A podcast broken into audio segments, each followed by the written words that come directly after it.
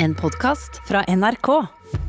Fredagspanelet er samlet her i Nyhetsmorgen. Det er det, og jeg er veldig glad for å kunne ønske velkommen til Ingvild Tenfjord, journalist, forfatter og vinekspert. Hei.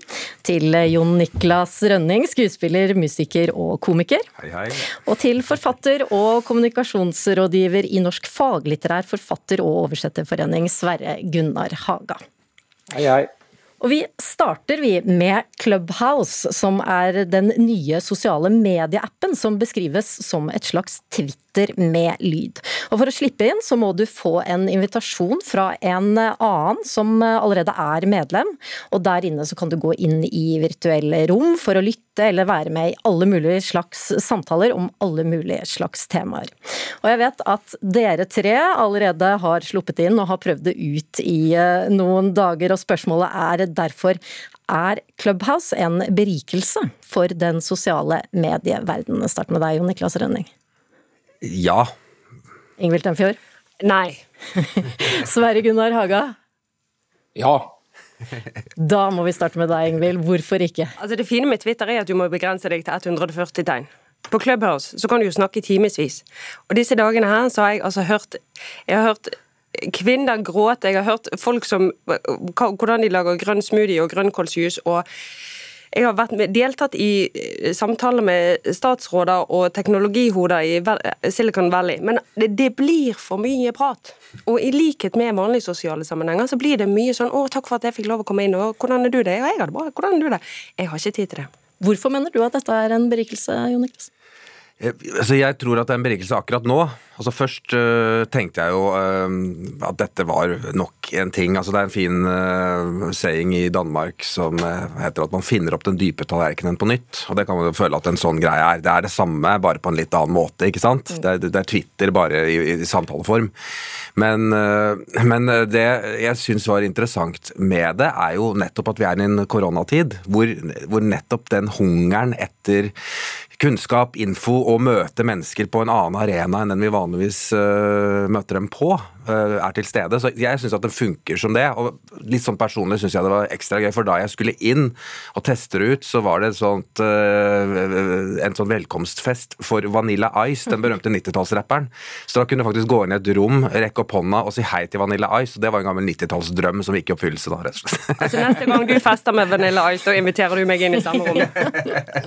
Sverre Gunnar Haga, på hvilken måte har Clubhouse beriket ditt liv? For oss som husker Eller har levd i en kjærlighetssorg da, i, i fraværet av, eh, av bortfallet av mellombølgen og Televerkets åpne linje, så er det her en perfekt eh, Altså reborn. Eh, fordi eh, det er en- er en eh, veldig intuitiv og samtaleform som, som man bare kan gå inn og ut av. Og jeg tror at man etter hvert som man finner formen på det, og lager sin egen feed, så kan man få akkurat de diskusjonene man ønsker å ha sjøl. Men er det ikke det kalles sosiale, en sosial medieapp, er det ikke litt ekskluderende? Det, altså, det er jo bare de som blir invitert inn som får lov til å være med, og, det, og hver person kan bare altså invitere inn en annen person. Jeg føler at det er et litt billig triks. Det er ikke så veldig vanskelig å bli invitert. Altså. Så hvis det er noen som hører på som ikke blir invitert, ta kontakt. Det skal slippe dere inn. Det er ikke noe problem. Men jeg synes at du må være veldig spesifikk i interessene dine. For hvis du bare går inn og sier 'jeg er interessert i teknologi', da drukner du. Altså Jo mer spesifikk og nerdete du er, jo mer utbytte har du av det, tror jeg. Veldig lett å, å skli ut og havne i felle. Jeg, havne, jeg ble shanghaia av ei latteryogagruppe i går. Og det, det ble ikke pent. altså. Jeg scrolla fort ned for å se om det var kjentfolk som var og lytta på, så det, det var helt forferdelig. Jeg så faktisk at du også inne, var inne i går på et rom eh, som het 'Radioen har ringt for å spørre hva jeg mener om eh, Clubhouse'. Hva skal jeg si? Det er jo mange spesifikke rom her, men Jon Niklas eh, Rønning, eh, er dette her et eh, koronafenomen nå som vi ikke kan møtes på ordentlig? Kommer dette til å forsvinne når eh, vi igjen kan møte folk på ordentlig? Jeg, jeg, jeg er, litt spent på det. Det har fått en voldsom hype, og alle skal bli med. Og, og jeg syns også den eh, invitasjonstaktikken er, er litt enkel. Det er litt som de utestedene eh, som ikke var fullt så populære, husker jeg, i Oslo før, hvor, hvor man satte opp en kø utenfor eh, og lot som det var veldig vanskelig å komme inn. Og som en gang du hadde stått i en halvtime og kom inn i, inn i baren, så, så var det ikke noen mennesker der. Så, så jeg føler at det er veldig enkelt å være med der. Så jeg føler at den, det, det stedet det der er vel egentlig ja, Vi får se. Tiden, tiden, vil vise. Men jeg tror kanskje det er koronafenomen, ja. Mm. Da må vi gå videre til neste. Vi skal gå videre til neste tema, dessverre. Rengjøringsfirmaet Fette Reint må nemlig skifte navn fordi Brønnøysundregistrene mener navnet er grovt og diskriminerende. Daglig leder i selskapet Andreas Eriksen svarer dette på pålegget om å endre navn. Ja, altså det syns vi er fette uakseptabelt. Eh, vi har i utgangspunktet brukt et dialektord som betyr det samme som ordet 'veldig'. Så det, det skjønner vi rett og slett ikke. Og spørsmålet er da, skal bedrifter få lov til å kalle seg akkurat det de vil? Og vi starter med deg, Sverre Gunnar Haga. Ja. Jon Niklas Rønning? Ja. Ingvild Temfjord? Nei. Stiller meg på tverket her, og jeg òg. ja, da får du starte å fortelle hvorfor. Nei, men altså, det er, Generelt sett så har vi Du kan ikke kalle ungen din hva du vil. For da er det jo alltid noen galninger som skal kalle de Vidkun, Jonas, Judas eller Quisling. Og jeg synes jo at det bør være eh, noen kjøreregler også for bedrifter. Nå må jeg legge til at i akkurat dette tilfellet her så syns jeg jo det er ganske sjarmerende. Og som bergenser er det mye på bergensk som høres ut som banning, men som egentlig er nærmest kjærlighetserklæringer. Så jeg forstår eh, dilemmaet her, men svaret må bli nei. Men fette brukes jo mer som et forsterkende ord i Nord-Norge? Ja, men vi skjønner jo hva de spiller på, da.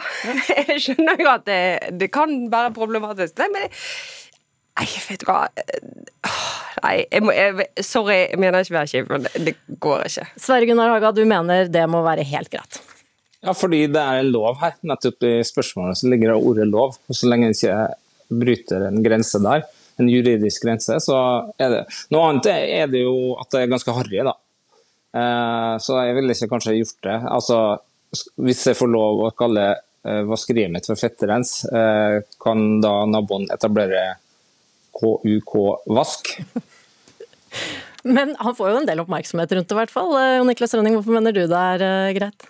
Som komiker kan jeg ikke mene noe annet enn at det er greit uh, å, å, kalle det noe litt morsomt. Jeg syns jo frisørene har hatt uh, ja, de er, litt sånn monopol på enkle ordspill ganske lenge. Det er helt sånn på hengende hår og heisveis frisør og rammebutikker et på ramme alvor og sånn, så nå syns jeg det kan godt hete det. Men, men, jeg liker jo at det er, uh, det er ærlig. altså at de, at de, har, Jeg husker jeg vokste opp med en matbutikk oppe på Manglerud som het OK Mat, og der var maten helt midt på treet, så du fikk det du betalte for. Litt sånn vassende tomater og sånt. og jeg synes jo her bør man jo gå grundigere til verks. Hva er hva er en rengjøring som er uh, på det nivået? For det, det, tilsier at det er litt ekstra bra, litt ekstra rent. Så jeg vil gjerne se at de prøver ut dette i retten, om, om, hvis det ikke var rent nok, at det skal være så rent som de lover at det var. Altså det som ligger i navnet.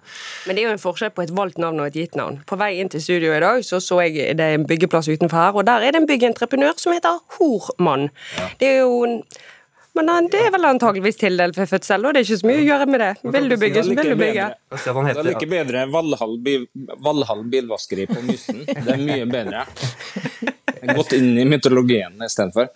Ja, jeg jeg syns at de bare burde lage Istedenfor å klage på det og miste navnet, bare si at det var en grandonkel som het Bernt Fette, som var veldig opptatt av rengjøring, og lage en Wikipedia-artikkel som er fake, og si derfra kommer navnet. Og nå har altså daglig leder løst dette ved å legge til en R, så det heter Fetter Reint i Brønnøysundregistrene, men han kommer til å fortsette å kalle det for Fetter Reint. Vi går ned, eh, videre til siste spørsmål. Vi har fått Ring 1 og Ring 2, og innenfor dem igjen tiltaksnivå A, B, C og D. Retorikkekspert Kjell Terje Ringdal mener at systemene med ringer og bokstaver gjør det nærmest umulig å holde seg oppdatert på hvilke koronatiltak som gjelder. Spørsmålet er overvurderer myndighetene vår evne til å forstå tiltakene? Ingvild Teffer. Ja men, men altså, jeg, jeg, må si at, at de fleste koronatiltak er forståelige. Men, men, jeg også blir forvirret av det der Ring 1 og Ring 2 og tiltaksnivå. Men altså, kan ikke vi bare holde oss inne, da? Du skal få utdype senere. Sverre Gunnar Haga, ja eller nei? Nei. Jon Niklas Rønning? Uh, jeg jeg, jeg syns de er vanskelige, ja. ja. Det, ja. Det må jeg si. Nå skal du få utdype, Ingvild.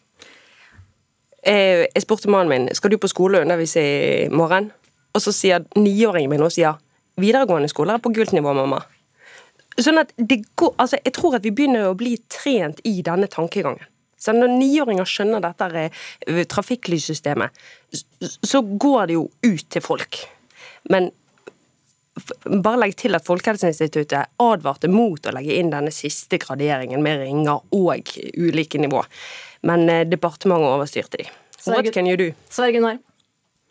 Vi er jo blitt en nasjon med ca. 3-4 millioner eh, covid-eksperter, så jeg tror vi tåler denne også. Men jeg tror kanskje at uh, når Arbeiderpartiet kaller dette nå, det siste grepet for komplett kaos, da vet vi også at det nærmer seg en valgkamp.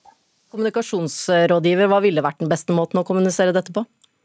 Uh, så enkelt som mulig. Jeg syns de har vært på et ganske bra nivå. Og ring 1 og 2 og farger, det er, det er ikke veldig komplisert. Det er som alt annet, du må bare venne deg til det. Jeg tror det kan være mye mer klargjørende på sikt.